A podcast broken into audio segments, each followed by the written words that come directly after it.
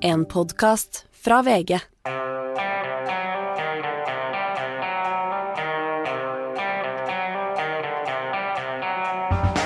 Ikke visste jeg at alle disse dagene som kom og gikk, de var selve uke 45. Og ennå ukene går unna i et bankende kjør, så er de stappa som bristeferdige pølser med nyheter, Hanne. Ja, og jeg har en følelse at det er mer nå enn før, men det er kanskje bare noe jeg innbiller meg, for vi lever i nuet. Ja, det er en intens periode. Altså krig, økonomisk nedgangstider, eh, politisk eh, opprør, bla, bla, bla. Uh, og um, for de av oss som, som da betaler for å høre oss hele uka, vet du, i går var det vel vi snakket om Arbeiderpartiet, som nå har en måling som er nede på 16,9. Det er helt ikke til å fatte, Anders. Nei. Det er 20% under der uh, Torbjørn Jagland satte smertegrensen for uh, ja, nå er det 25 år siden selvfølgelig, så det begynner å bli en stund, en stund siden, men det er veldig, veldig lite. Ja. Det er veldig, veldig, veldig, veldig lite. Ja. Det er historisk lavmål, og det er et fall fra valget i fjor høst til nå som valgforskere sier de aldri har sett maken til. Og uh, midt i denne situasjonen så har partiet funnet ut at de skal rive skorpen av et sår som i hvert fall, om det ikke helt hadde grodd, så var det i hvert fall begynt å trutne litt. Uh, vi skal høre et klipp her fra debatten på NRK i går, etterfulgt av et klipp fra Politisk kvarter i dag morges. Jeg er ikke uenig i noe av det Trond sier, men jeg mener bare at Trond også må anerkjenne at han er en del av problemet med at mange har syntes det har vært vanskelig å snakke om politikk de siste årene i Arbeiderpartiet. Jeg tror hun har mye rett. Jeg forstår det Astrid Hoem sier på vegne av unge mennesker, men også mange andre i Arbeiderpartiet. Vi har en ganske vond sak bak oss, og det er ikke noe poeng å glemme den. Altså, Trond Giske gikk av som nestleder. Han stilte ikke videre opp som leder i Trøndelag pga. saker som handlet om hvordan man oppfører seg i Arbeiderpartiet og at det har satt sine spor. Det er en helt erkjennelse, og jeg syns at det at AUF-lederen tar opp det på den måten, det er eh, modig. Ja, uh, truttende, så jeg mente egentlig koagulere, heter det vel når, når blod størkner. Uh, ja, Hanne, Giske-saken i Arbeiderpartiet. Uh, Astrid Hoem gikk direkte i strupen på Trond Giske i går på, på Debatten, og fikk altså støtte av sin partileder og statsminister Jonas Gahr Støre på, på Politisk kvarter i eh, dag morges. Vi må regne med at dette har de snakka om eh, på forhånd. Hva er dette? Er det, er det, nødvendig politisk oppgjør, eller er det selvskading i en situasjon hvor selvskading er det aller siste man bør drive med? Jeg er usikker på om de to har snakket om det på forhånd. Jeg er ikke sikker på om eh, Støre syns at det å få vekt opp den saken igjen er det han ønsker seg aller mest. Samtidig det høres ikke ut som en veldig god idé sånn i utgangspunktet. Nei, samtidig som det er han som tar det et tak videre og nettopp bringe inn metoo-sakene, for det gjorde ikke Astrid Hoem. Hun gikk inn på hva Trond Giske gjør i dag, nemlig at han profilerer seg som venstresidens uh, hærfører. Han har altså starta et eget, eller fått sitt eget lokallag Nidaros, hvor han er litt sånn Facebook-kommentator kommentarfelt på hva Arbeiderpartiet bør gjøre. Og Han er jo ikke en vanlig lokallagsleder i Arbeiderpartiet, og egentlig er det jo veldig imponerende det Trond Giske har fått til. Han har bygget opp et lokallag på et år, for jeg tror det var 18 medlemmer da han begynte, til 1000 medlemmer. Enhver annen lokallagsleder i Arbeiderpartiet som hadde klart det i en tid hvor de raser ned mot 16,9% og det er mismot overalt, ville blitt hyllet. Ja. Men det er Trond Giske, så det blir han slett ikke, for han er eh, han er i mange store deler av Arbeiderpartiet ansett som ganske giftig og en troublemaker mer enn en partibygger. Og kanskje særlig blant uh, AUF-erne, da? Ja, men mye langt utover AUF-erne. Når du ser på Facebook og gamle partitravere, sånn, så er det mange som er forbanna på Trond Giske.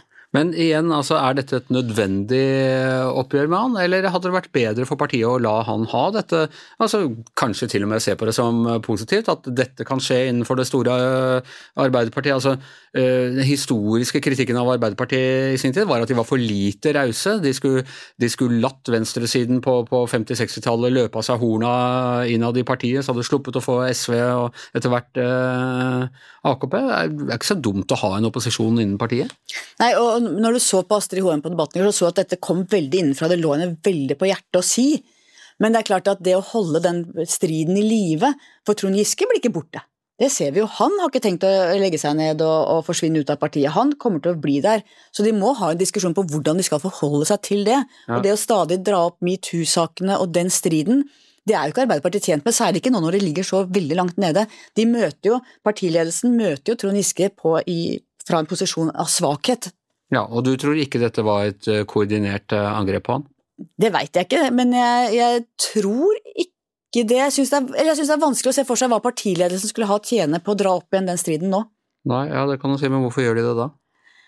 Jeg tror Astrid Hoem eh, for- Ja, altså hun, hun Henne, men hvorfor skulle Støre ha noe glede av å, å gjøre dette? Han kunne jo ikke ikke stille seg bak sin AUF-leder heller. Nei, han kunne ikke. Han kunne ikke det, men han, han hadde ikke trengt å nevne metoo når ikke Nei, han hadde ikke det. Det er helt riktig, Anne. Men jeg tror de er ganske fortvilt og frustrert på hvordan de skal håndtere denne saken. Ja. Eller denne mannen, rettere sagt. I Midtens rike. Og du, apropos håndtere denne mannen. eh, det, aller største denne uka for oss nerder har jo selvfølgelig vært eh, eh, mellomvalget i USA. Vi har dekka det jevnt gjennom uka, men, kortversjonen er altså at man trodde det skulle bli en, et valgskred for republikanerne. Det ble det ikke. Det, senatsvalget er ikke helt avgjort. De har vunnet noen seter i Representantenes hus, og de har egentlig vunnet, men tapt. Og nå er altså øh, og Man leter alltid etter syndebukker nå, og nå er syndebukken altså Donald Trump. Som riktignok selv prøver å legge skylden på mange andre, deriblant sin kone Melania. Eh, men, eh, men eh, Og Trump har rykket ut da mot Ron DeSantis, eh, guvernøren i Florida, som har vært eh, hans eh, på en måte kronprins eh, eh, i partiet. Og i går var han ute og sa at uh, Først truet han med at han skulle avsløre ting om DeSantis, og så sier han at han i 2018 nærmest sikret DeSantis valgseieren ved å beordre at uh, FBI skulle stoppe opptellingen av stemmer uh, i Florida. Det er det nærmeste du kommer politisk hevnporno, er det ikke det? At du liksom legger ut noe sånn om eksen din for å, for å skade den mest mulig? Jo, og, og vi tror jo stadig at nå er det ikke mer som kan overraske oss med Donald Trump, men det er faktisk stadig nye ting. Og jeg må jo si da vi kom på jobben eh, morgenen etter mellomvalget, det er lenge siden jeg har sett deg så glad og fornøyd og lett på foten, Anders. Du var så letta. Ja, altså jeg, er- Det jeg kanskje aller mest var glad for, var at de kandidatene eh, som så ut til å være de som skulle være valgresultatfornektere, eh, de har ikke fått det til. Eh, det ser ut som de republikanske eh, kandidatene som eh, tapte, eh, aksepterer det. Og hvis du klarer å få det republikanske partiet til å gå tilbake til å akseptere vanlige demokratiske spilleregler, som er det i disse dager, det høres utrolig ut, men det er faktisk en stor seier. Ja, det er en stor seier. Jeg var også veldig glad den morgenen. Også fordi det tyder på at eh, Trump ikke vant. Nå er det spennende om han kommer til å annonsere at han stiller eller ikke den 15. Han har jo tisa veldig på det, og nå tror jeg altså han klarer Og nå driver de selv Fox News er ute etter han og, og Murdoch-pressen. Og det er ikke rette måten å få Trump til å roe seg ned på. Eh, jeg er temmelig sikker på at nå skal han vise dem alt. Sånn holdt de på i 2016 og de sa jeg hadde tapt etter Grab him by the Pussygate og, og i det hele tatt. Nå kommer han til å gå og kommer han til å gå ut som Butch Cassidy og Sundance Kid på slutten av den filmen hvor de har liksom åtte kuler hver og løper ut mot den bolivianske hæren. Det er jeg temmelig sikker på. altså. Ja, jeg tror folk er lei av Trump, og så tror jeg at nå har de republikanske velgerne og politikerne som har frykta Trump, eller som har liksom holdt litt kjeft, de ser nå at han er faktisk ikke usårlig. sånn at det, menigheten hans blir kanskje antagelig også mye mindre nå, sånn at han har mye mindre kraft i, i baklomma enn han hadde før dette valget. På den annen side, ikke første gang vi avskriver Trump. Eh, Forrige gang vi avskrev ham for alvor var etter 6. januar. Nå ser vi hvordan republikanerne rykker ut mot han og tar avstand fra han, og nå har han gått for langt og i det hele tatt. Der tok vi feil. Ja, Men vi har lov til å håpe da, Anders. Ja, det er håpet er eh, lysegrønt. Ja, eh, navnet i nyhetene altså. Støre, Giske, Trump og badam, ukas gjest Audun Lysbakken, velkommen. Tusen takk. Det var litt av en nyhetsuke du valgte deg for å øh, gjøre kjent at du går av som partileder i SV, og etter hvert også som trekker deg som stortingsrepresentant. Timingen var nøye planlagt, selvfølgelig, for å stjele rampelyset fra alle landets USA-eksperter eh, onsdag morgen. Ja, eh, eller for å prøve å drukne nyheten lite grann. Eh, men, men ja, altså timingen må jo, om ikke så nøye planlagt, så har den Det må jo ha vært planlagt en stund. Altså, du vet, det, det der er jo en sånn beslutning som jeg, Hvis du spør meg når jeg tok den, så klarer jeg egentlig ikke helt å svare på det, for det har sånn kommet gradvis. Men det er jo litt sånn med en sånn beslutning at det, den, det føles jo ikke endelig før det er sagt. Jeg sa det til valgkomiteen for to uker siden. Ja. Eh, og jeg tenker uh, at du er jo fortsatt en relativt ung mann. Takk. En mann i din beste alder, for, si. for hvor gammel er du? 45. 45 år. Uh, og nå gir du deg som partileder og blir da altså kanskje landets yngste eldre statsmann? Ja. altså, jeg ville jo vært veldig ung hvis jeg var amerikansk politiker, men det er klart at det handler jo litt om når du begynte, da. Så Ja. jeg kom inn på Stortinget første gang rett før jeg fylte 24, så jeg har jo vært med fryktelig lenge, levd dette livet veldig lenge, og jeg tenker vel òg at selv om nå grunnen til at jeg gjør dette nå er privat, det handler om, eh, om livet hjemme, om at vi har fått et eh, barn til, om at vi ønsker å leve litt roligere, rett og slett, så, så er det likevel, tenker jeg, bra med utskiftning. Altså, Det tror jeg for, for et parti, for demokratiet vårt, at uh, ikke det er de samme folkene hele tiden. Ja, Og jeg har hengt rundt her veldig lenge, da. Ja. Må du være så selv... Altså, dette mener jo selvfølgelig alle, det mener sikkert Donald Trump og Joe Biden også. Sånn, Det tror jeg ikke. på prinsipielt grunnlag, men, men, eh, eller Nancy Pelosi, men, men eh, altså du, man må jo si det, du, du overlater jo et parti i god forfatning, dere er veldig godt plassert, dere var smarte nok til å ikke bli med på denne regjeringen, nå sitter dere utenfor og kan cherrypicke hvilke saker eh, dere skal gå for, ta, ta æren når det er mulig, og, og la være å røre på det som ikke er. Eh, Hvorfor akkurat nå, da? Er det bare dette med, med familien, liksom? Som, eh, Ja, det er det. fordi det er klart, motivasjonen er det ingenting å være med. Altså, Egentlig så føles jo politikken eh, eh, viktigere og mer alvorlig nå enn den har gjort noen gang i løpet av eh, de årene jeg har vært med. Eh, Det er, det, er et helt, det er et annet alvor. Det er så mange ting. Det er de økonomiske problemene, det er Ukraina-krigen, det er ytre høyre som vokser fram, klimakrisen som drar seg til. Altså, det er Eh, Så sånn sett, så Og det er klart jeg kommer ikke til å være noe mindre politisk menneske jeg etter dette, men det er rett og slett sånn at selv om jeg har vært veldig opptatt av å understreke at det går an, og det skal gå an, å kombinere familieliv og uh, det å være partileder eller viktige verv i politikken, uh, så har jeg gjort det i elleve år. Uh, og det er klart det har en pris. Det er også en belastning for meg sjøl, for de rundt meg. Og vi fikk en liten jente for et år siden som nå er ett år. Hun har tre store søsken. To av de er barn ennå, bor hjemme, ti og tolv. Og hvis vi skal kunne få en annen hverdag nå mens hun er liten, de mest hektiske årene i to andre fortsatte barn, så, så må det liksom skje noe. Men i tillegg så tenker jeg jo det at uh, det er uh, et bedre tidspunkt for partiet å velge ny leder nå enn rett før stortingsvalget. For det er viktig for en leder å få lagt strategien mot 2025, og det, det har jeg gjort tre ganger, og det tar tid. Ja. Du husker David Lederman, han uh, talkshow-kongen Mm. i USA. Mm. Han trakk seg jo pga. familien, og så sa han eh, et par år senere, når han kom tilbake med noen TV-greier, at når du sier at du skal trekke deg pga. familien, vær sikker på at du har sjekka med familien først. og det har du gjort. Ja, det har jeg gjort. Ja, det er bra. Nei, for det, og jeg mener, hjemme i de småbarnsårene og sånne ting, det, er, det kan jo være en blandet fornøyelse, det. Å være Jo, men uh, først og fremst en, eh, en fornøyelse, tenker jeg. Uh, selv om, uh, men det er hektisk òg. Men, men det er jo derfor jeg tenker at det er, det er riktig å gjøre det nå. Så har jeg jeg har vært opptatt av i, i mine år som partileder, i den tiden jeg var statsråd, å gå foran i å skape et et politisk liv hvor det skal være mulig å ja, ta pappaperm. Første gang jeg gjorde det, var det utrolig kontroversielt. Masse bråk. Nå er det blitt eh, vanlig, også for statsråder og partiledere og sånn. Det skal være mulig å gå fra et møte for å hente i barnehagen. Eh, Så, så, det, så jeg mener vi har kommet langt eh, på det. Jeg må også si at i går, Du skulle egentlig ha vært her dagen før for opptak, men da måtte du være hjemme med sjukt barn. Ja, så det er liksom ikke måte Ja, ja, ja. på hvor det er woke, eh, woke-samfunnet har eh, Men, men det er bra, og grunnen til at det er bra, er at folk i ulike livsfaser må kunne være representert i demokratiet. Eh? Det kan ikke være sånn at det, det, skal, det skal være en stor fordel hvis du stiller til partiledervalget å være eh, i 50-60-årene og ikke ha barn. Sant? Men det har likevel en pris, og det er veldig dumt å late som om det ikke har det. Eh, og da eh, kommer det til et punkt hvor det er på tide å gjøre, gjøre ting litt annerledes. Uh, og, og, der er jeg nå. Tiden er inne for oss, rett og slett. Men det står ikke noen fylkesmannsstilling ledig? Så hva, hva, skal du, hva tenker du deg Nei, altså, skal gjøre, som ikke er kjedelig, sånn sitte i en eller annen sånn miljøstiftelse? Nei, men altså Først og fremst er jeg jo innvalgt på Stortinget frem til 2025. Ja. Uh, og uh, jeg er veldig motivert for det. Altså, jeg har min respekt for Stortinget er, er dyp, veldig stor. Så, og jeg ser egentlig litt fram til å kunne gjøre en jobb i en komité. Du vet, Å være partileder eller sånn, jobbe litt med veldig mange saker.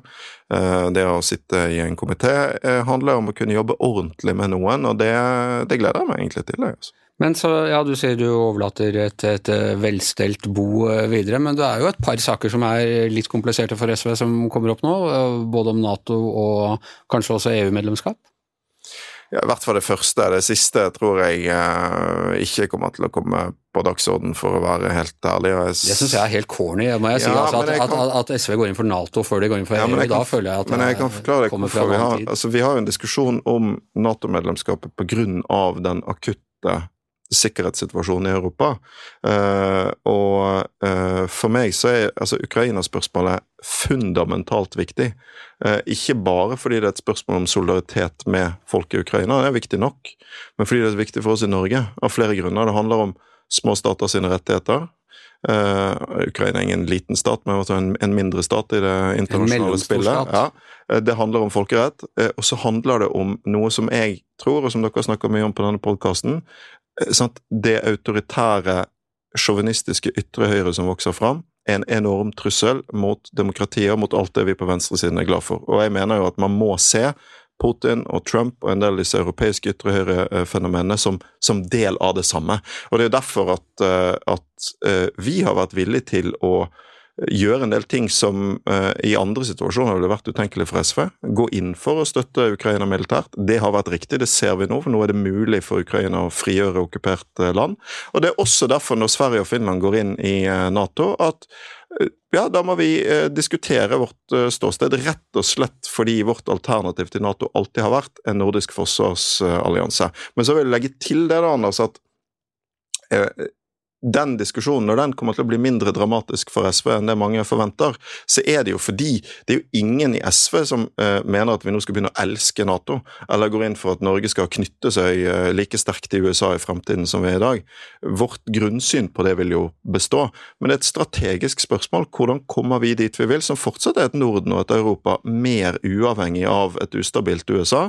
Er det via en nasjonal utmelding, eller er det på annet vis? Og når det er en sånn strategisk diskusjon, diskusjon, ikke en liksom grunnleggende diskusjon om verdenssyn, så er det også mye lettere å håndtere. Men et mer ustabilt uh, USA, mm. hadde det ikke da vært greit å ha en backup ved å være medlem av EU? Men altså, Det er jo mye å si om EU, men, men det er klart at et, et, forsvars- og sikkerhetspolitisk samarbeid er EU i liten grad. EU kan ikke gi Norge sikkerhetsgarantier. EU eh, e kan ikke samle Norden, fordi eh, halve Norden er ikke med i EU.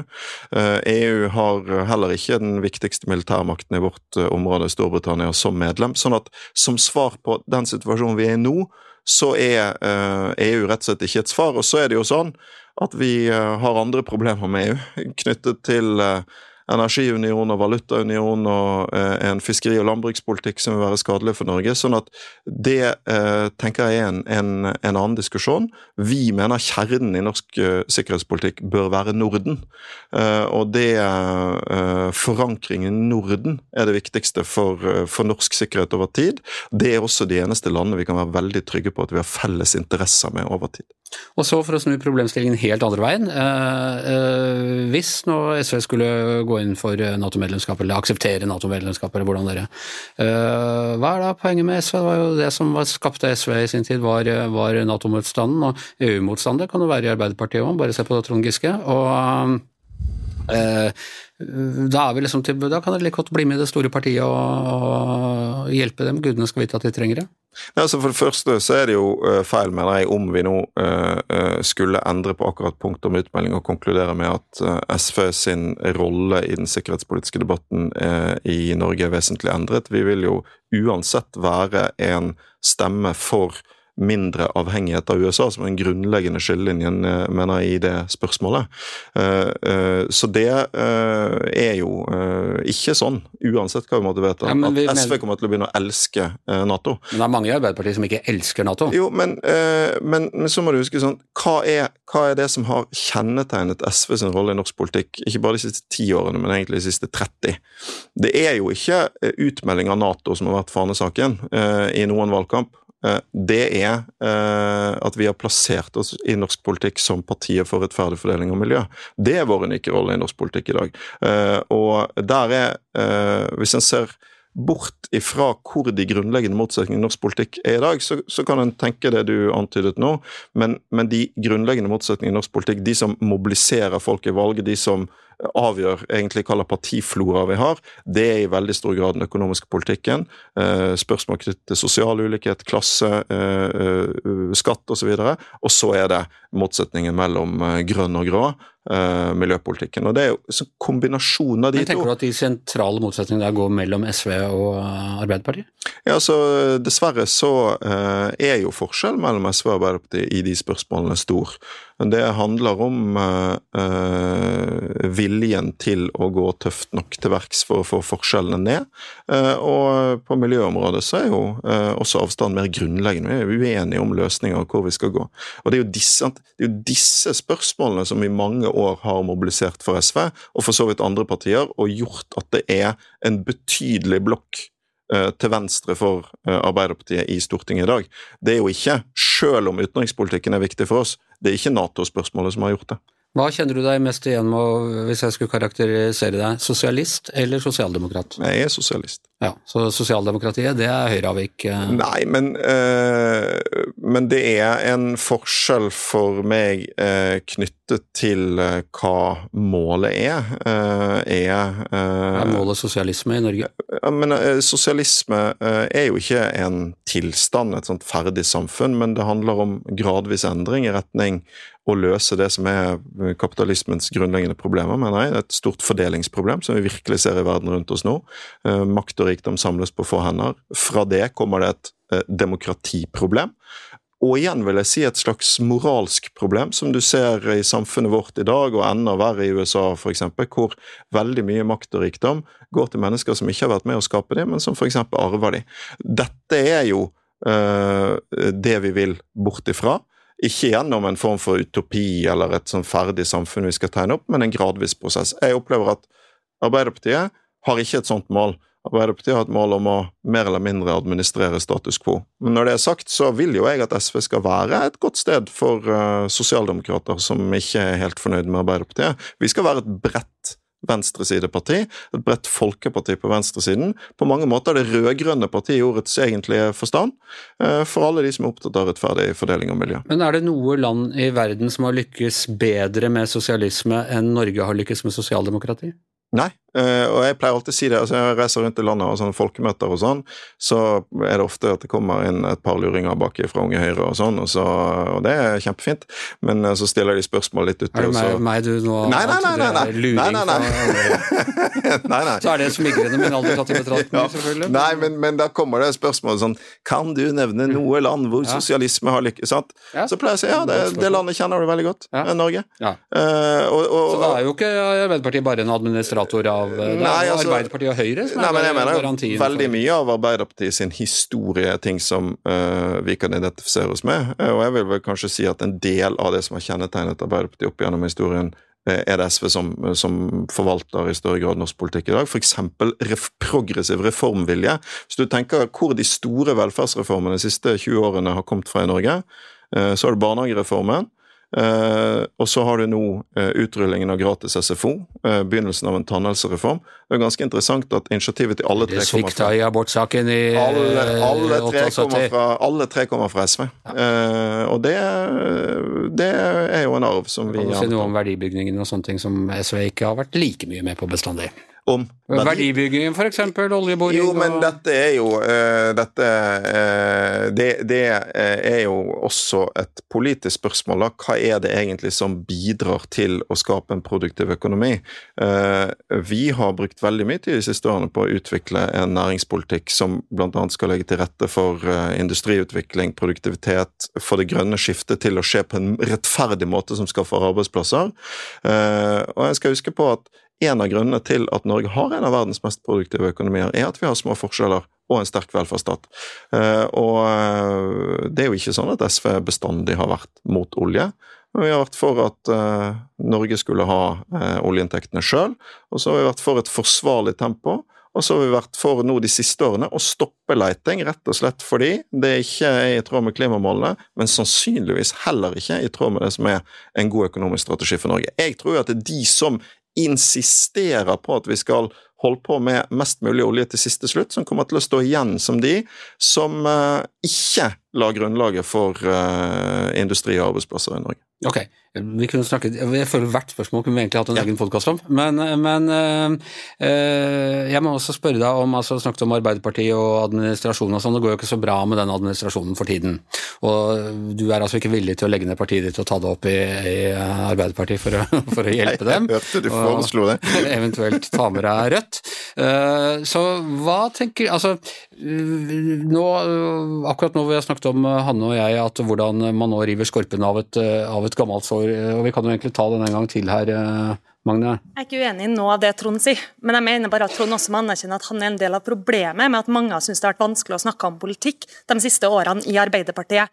Ja, det er altså mens ditt parti og Rødt liksom strutter og setter nye rekorder, så er altså Arbeiderpartiet inne på en sånn selvskadingskurs som ser ut som å gå bare lukt i, i kjelleren. Hva hva, fø hva føler du rundt, eh, rundt det?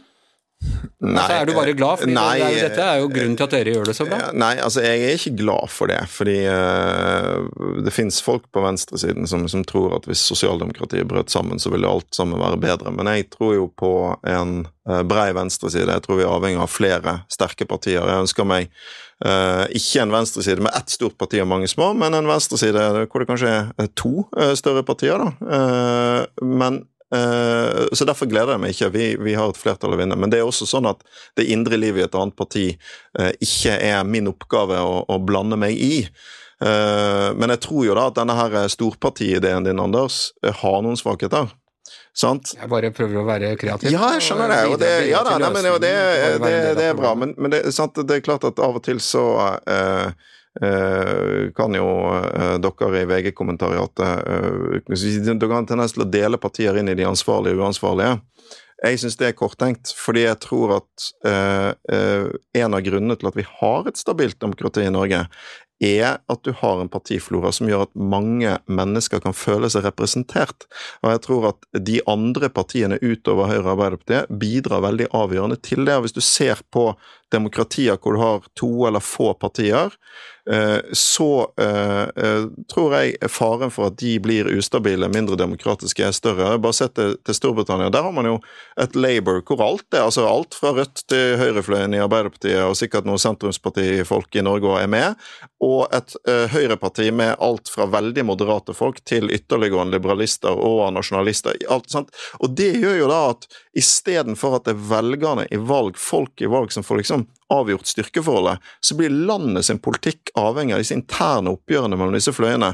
Og har jo fått et, nå, det villeste utslag nå med Liz Truss og hennes skatteletteeksperiment. Det er ikke bra, vet du. Så man skal være forsiktig med hva man ønsker seg. Ja da, Nei, vi har jo også en uh, lignende tilstand i uh, USA uh, på mange måter. Men en av dine, dine, forgjengere, Erik Solheim, som vi også kunne hatt en egen podkast med, for så vidt, ja. han, og ikke minst hans utvikling. Men han eh, pleide å sitere lillebrors vise Alf Prøysen. En gang skal lillebror selv bli stor, større enn mor, og mor var den gangen Gro Harlem Brundtland. Mm. Det, hadde det vært bra for norsk politikk om SV var større enn Arbeiderpartiet? På permanent basis? Eh, jeg, eh, jeg, tilhører ikke de som har et ønske om å se Arbeiderpartiet eh, forsvinne. De landene hvor de sosialdemokratiske partiene har brutt sammen, så har det stort sett betydd at høyresiden har vokst fram, selv om det også har betydd sterkere venstrepartier.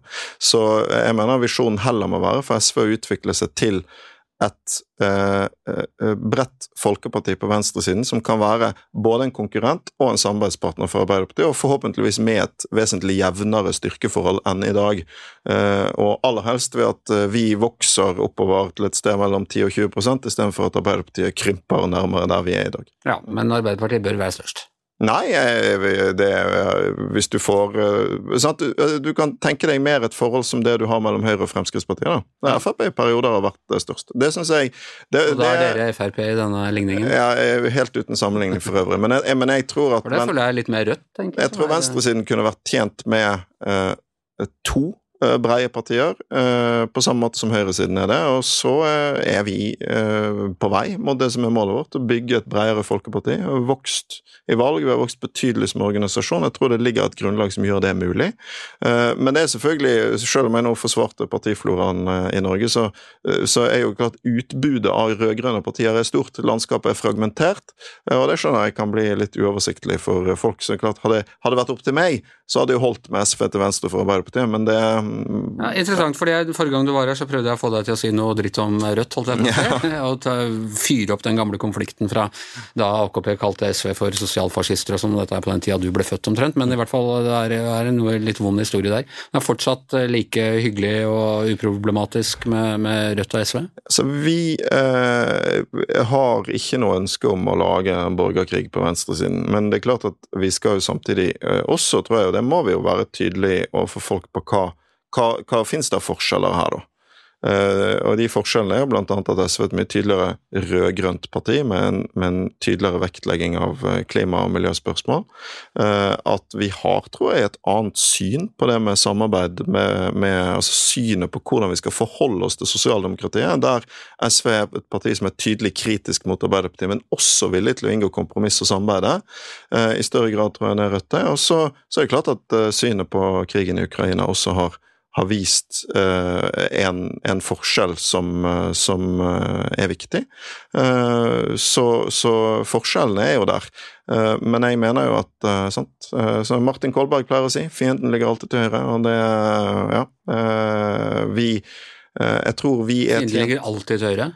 Det var, det var hans ord, da. Ja, ja. Men, men, men, poenget er at vi Vi trenger nå en rød-grønn side som blir bedre i stand til å samarbeide, eh, ikke dårligere. Og, og, det har vært et mål for meg, nå gikk jo ikke det da før 2021, men at SV skulle være et, et lim, et parti som greide å samle rød-grønn side. Vi er kanskje det eneste partiet som alle de andre har et godt forhold til å klare å snakke med, og det er viktig, og det tenker jeg at vi skal ta vare på. For, fordi vi kan få situasjoner framover hvor rød-grønne flertall blir avhengig av flere partier, og da må flere greie å snakke sammen. Men eh, du, ja, du nevnte jo liksom da faren ved Nato og sånne ting, og litt faren for høyreekstremisme og sånne ting. Men det er jo øh, Jeg vet at dere på ytre venstre er ikke så glad i den hesteskoteorien, men jeg vil nå trekke den fram likevel. Ja, det eh, og det er at, at du, har, du, har, en overlapping der. Putinister både på ytre høyre og ytre venstre side. deler av denne falangen går inn i Rødt, enten de liker det eller ikke. En av partiets grunnleggere er liksom fanebærer for det. Eh, og, og ser du en fare der, på samme måte som man kan se en fare fra ytre høyre, altså antidemokratiske venstreradikale krefter, eller bare bortdefinerer du dem fra venstresiden da og sier at de er høyre? Nei, altså igjen så er heldigvis, eh, mener jeg, uh, snakk om politiske miljøer og strømninger som, som, vi ikke har i vårt parti, bare så det er sagt. Så sånn sett så er det heller ikke mitt ansvar å rydde opp i det. Det er noen museumsvaktere der som Jo, men ikke, ikke, ikke som kjøper Putin sitt verdensbilde. Og jeg mener og det finnes, det mener jeg er viktig å si, det finnes legitime og forståelige grunner til f.eks. å gå mot at Norge skal sende våpen, selv om jeg er uenig i det. Men det var også partiet sentralt i SV som drev holdt på med at Putin bare ville ha fred og Nei, det mener jeg er helt feil gjengitt. Altså, vi har vært uh, kritiske til det russiske regimet uh, hele veien. Det har vi stått samlet om. Og så er det jo hos oss, men det er det jo er vi veldig mange om i Norge, Eh, så, så forutså vi jo ikke 24. februar. Eh, men da må vi også handle i tråd med det som skjedde 24. februar. Men til spørsmål... Hele Nei da, men, sant, så, så, heller til spørsmålet ditt, da, så, så eh, jeg mener at selv om den store trusselen mot demokratiet i dag kommer fra ytre høyre, så har venstresiden alltid et ansvar for å være på vakt overfor strømninger på vår side som kan trekke i samme retning. Uh, og, og uh, det henger jo sammen med sant? Jeg, mener at den moderate høyresiden uh, den demokratiske høyresiden har et ansvar for å stoppe ytre høyre som de ofte ikke tar. Det ser du godt i USA. Uh, hvor veldig mange republikanere har vært opportunistiske og kjøpt Trump-pakken. Uh, de som virkelig hadde hatt muligheten til å gjøre noe med det. Jeg mener Du ser det i Sverige, med hvordan uh, den anstendige borgerligheten har blitt kidnappet av Sverigedemokraterna. men når vi sier det, så må vi samtidig være beredt til å ta samme ansvar på vår side. Hvis det igjen dukker opp det som det jo finnes selvfølgelig en, en uh, lang historie for, autoritære udemokratiske krefter på venstresiden. Heldigvis så er de veldig svake i dag. Uh, og det bør de få bli. Ja. Du, må ha, I sin tid så, så, var det Dere var tre stykker som ville bli ledere av SV, og, og, du var den som vant. Og det var en, mm, mye personfokus rundt det i sin tid, og nå blir det en ny debatt med, med og ser kanskje ut til å bli tre kandidater der, altså. Og kan ikke du si hvem som er din favoritt? jo, altså, dette er jo Nå øver jeg meg på å si minst mulig interessante ting om det, uh, og det er jo fordi, uh, som jeg sa Hvis det er minst mulig interessant, så ta det kort. ja, skal, nei, det er i SV så skal ikke lederen utpeke neste leder. Sånn er det bare. Eh, skal velges av partiet. Og, men i tillegg til det, så det, det er én grunn til, til at det bør være sånn. Og det er at jeg ønsker at uansett hvem den neste lederen blir, så skal den personen kunne ha et fortrolig og godt forhold til meg. Det er litt vanskeligere hvis jeg har liksom pekt på en annen. Sånn. Uh, og, og, så jeg mener Idealet er litt sånn som jeg og Kristin Halvorsen har hatt det. Uh, sant? Hun uh, har ikke hengt på veggen og drevet og ringt og sagt at nå er jeg uenig i det og det, men hun har alltid vært der når jeg har trengt det. Og det er fint å ha en å snakke med som vet hvordan det er å være partileder, for det kan være en ensom jobb også. Jeg skal love deg at du kommer til å bli oppringt mye om dette her. og ikke, altså En ting er den ledergreia, men framover når SV gjør ditt og SV gjør datt og sånne ting. Helt sikkert, jeg håper jeg klarer å være Har du en Kåre Willoch da, eller blir du jeg, jeg, jeg, håper det blir mer Kristin Halvorsen enn Carl I. Hagen, i hvert fall. ok. Eh, du, vi må ta helt til slutt også litt om uh, valget i USA. Fordi uh, du gjør litt narr av oss USA-ekspertkommentatorer, men aller fleste politisk engasjerte mennesker har en USA-ekspertkommentator i magen. Ja, ja, det var sagt med kjærlighet, egentlig. Fordi, og jeg har jo jeg har drevet podkast i mange år sammen med Hans Olav Lahlum, så vi har holdt på med det her sjøl. Og jeg er, altså, jeg, jeg, jeg, jeg er nerd på det, jeg òg. Uh, og det er dels fordi jeg, jeg, har et nærmere forhold til USA enn mange tror. Jeg bodde der en stund som barn. Hvor bodde du da? I California. I California, uh, California? lite sted som heter Blue Lake. Oh, ja, hvor er det? Ja, like ved Arcada nord for Det er ganske langt nord. Langt nord ja. Redwood, Redwood-området. Da var jeg veldig liten, jeg altså. Men jeg, men jeg, har liksom hatt det båndet. Jeg har kjørt kyst til kyst i en diger Chrysler og allting. Så Det er en egen lukt i det landet som er Fantastisk, sant. Jeg mener at USA har mye av det beste og det verste i verden. men i tillegg så er det jo som du sier, grunnen til at så mange av oss er opptatt av det, er jo at det er viktig for oss. Eh, og akkurat nå er det viktigere enn noen gang før, for det står, mener jeg, dette er jo da, sammen med Ukraina, det grunnleggende liksom, frontavsnittet, egentlig, i kampen mot eh, trusselen fra ytre høyre mot selve demokratiet, altså. Det, det, så, sånn at det er liksom, Ingen må jo lulle seg inn i eh, noe annet enn at sånn, hvordan det går, vil ha enorm betydning og for Norge. Og det er veldig rart at ikke det diskuteres mer. Sant? vi var inne på SV sin Nato-debatt alle partier i Norge burde jo nå ha noen grunnleggende diskusjoner rundt hva gjør vi egentlig? Hva gjør vi egentlig hvis Trump kommer tilbake, eller DeSantis eller noen andre? Kan vi stole på de amerikanske sikkerhetsgarantiene? Det er jo det her som står på spill, ikke sant? Ja. Og Hva tenker du at dette valget sa? Eh... Nei, Det var jo en lettelse på et vis, selv om en skal passe seg veldig for liksom, å, å, bli for optimistisk. For jeg tror jo f.eks. at uh, Altså, det er noen som sier at eh, Ron DeSantis som gjør det bra, er Trump med hjerne. Og det er jo ikke bra, hvis vi får en smartere Trump. Men, Eller Trump uten personlighetsforstyrrelse. ja, men det som er interessant, eh, tenker jeg, er at det viser seg å være en stor forskjell i resultatene i valgkretser hvor spørsmål som abort og eh, valgfornektelse står på dagsorden. Der republikanske kandidater som, eh, som, kjører fram valgfornektelse, og områder hvor abortretten har stått på spill, der har demokratene gjort det mye bedre enn i andre områder. Det er et godt tegn, for det viser jo at det fins et rom litt det jeg var inne på i sted, det finnes et rom av mer moderate folk på høyresiden som ikke vil ha den pakken der, og det kan jo gi et håp om at eh, de kreftene endelig kan begynne å tørre å stå opp, da. Eh, for det er jo det vi er avhengig av. Venstresiden kan jo ikke egentlig stoppe uh, dette. Eh, så han kan møte ytre høyre valg og sånn, men, men, det er altså den demokratiske høyresiden som må ta hovedansvaret for å stoppe ytre høyre. Eh, jeg hørte din gamle partikollega og venn, vil jeg tro, Bård Vegar Solhjell for noen år siden snakke om klimautfordringene, og da sa han noe som jeg sjelden syns egentlig jeg hører fra venstresiden. Han var sikker på at menneskeheten kom til å klare det, det kom til å bli kaotisk, det kom, kom til å bli problemer, sånn, men i bunn og grunn så ville man få det til. Han var rett og slett fremtidsoptimist. Mm. Er du det? Ja, jeg er det, men, men, men, men jeg tror jo samtidig at liksom, for noen år tilbake så var det lettere å være fremtidsoptimist enn det er nå. Men vi, to år siden, dette er tre år siden. Ja. Men vi er nødt til å være det. Sant? Og, og det som er helt, sant? det er mulig å løse klimakrisen, men, men, jeg, men, jeg, er alltid litt sånn ambivalent til det, fordi at det er så eh, lett å sitte og spre optimisme, og så er det kanskje da erkjennelsen av alvoret som må til for at det skal bli handling.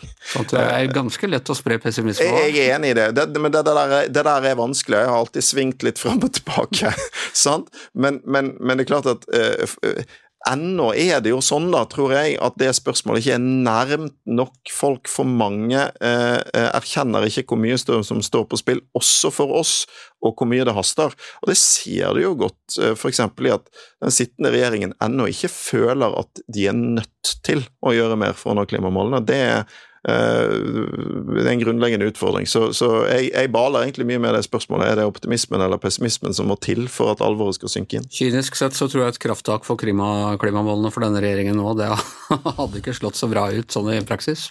Nei, altså, vi, da får vi prøve å fikse det, da. Men, ikke, ikke sant. Dere òg? Nei, ikke Rødt, fordi jeg er heller ikke helt på den banen. Nei, det blir jo, jeg mener, dette blir jo et stort tema i disse budsjettforhandlingene. da, sant? og Det er jo en ting som er sant, Nå går jeg jo en runde med sånne eh, intervjuer sånn som nesten er sånne avskjedsintervjuer. Jeg er litt sånn opptatt av å få rykket meg ut av den takk for meg-modusen. Fordi ja, for det, skal jobb, det skal jobbes veldig hardt nå, og jeg skal være sjef for partiet når vi skal forhandle om budsjett. Som du skal ta den igjen til våren, så skal du ta ha det, og så skal du gå av som stortings... Så det er mange det er, det er lenge til mars. Ja. Eh, I politikken kan fire måneder være veldig lang tid. Ja. Mm. Ok, men uh, tusen takk for at du var med her, Audun Lysbakken. Veldig hyggelig at du tok deg tid til det på denne stressa uka. Og som takk skal du få en kopp.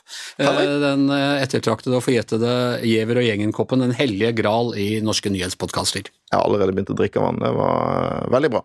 Og da går det mot eh, slutten, snart er det slutt-trudelutten, som de sang i den gamle Mummitroll-serien. Men eh, Hanne, for folk som er glad i politisk podkast, så er det bare begynnelsen på helgen? Ja, ja, ja, nå kan folk høre en veldig, ganske lang, vil jeg si, du syns den er altfor lang, podkast med en, bakfra, men... en, av eh, Norges fremste russlandskjennere, Julie Wilhelmsen, som går igjennom Putins historie, Russlands historie, hvor de er nå retorikken hans, eh, hvordan vi havnet der vi er nå. Ja. Jeg må si at jeg, jeg må, Hvis jeg skal få si det selv, syns jeg det ble en ganske god samtale med henne. Hun er en smart, kunnskapsrik dame. Ja, og hun har jo vært gjennom litt av hvert i, i uh, denne debatten. Det går, er dere vel kanskje også innom? Nei, ikke så mye, egentlig. Nei. Nei, ok. Det er bare saklig hos Startlight. Det er bare her i Gjever og gjengen at du finner, eh, finner sånne usaklige, personsfokuserte konflikter. Eh, ok, men med det så er eh, Gjever og gjengen eh, over. Tusen takk til Hanne Skartveit. Tusen takk til Audun Lysbakken. Jeg heter Anders Giæver, og mannen som sørger for at personkonfliktene i dette studioet ligger på et, på et absolutt minimum, er som vanlig produsent Magne Antonsen.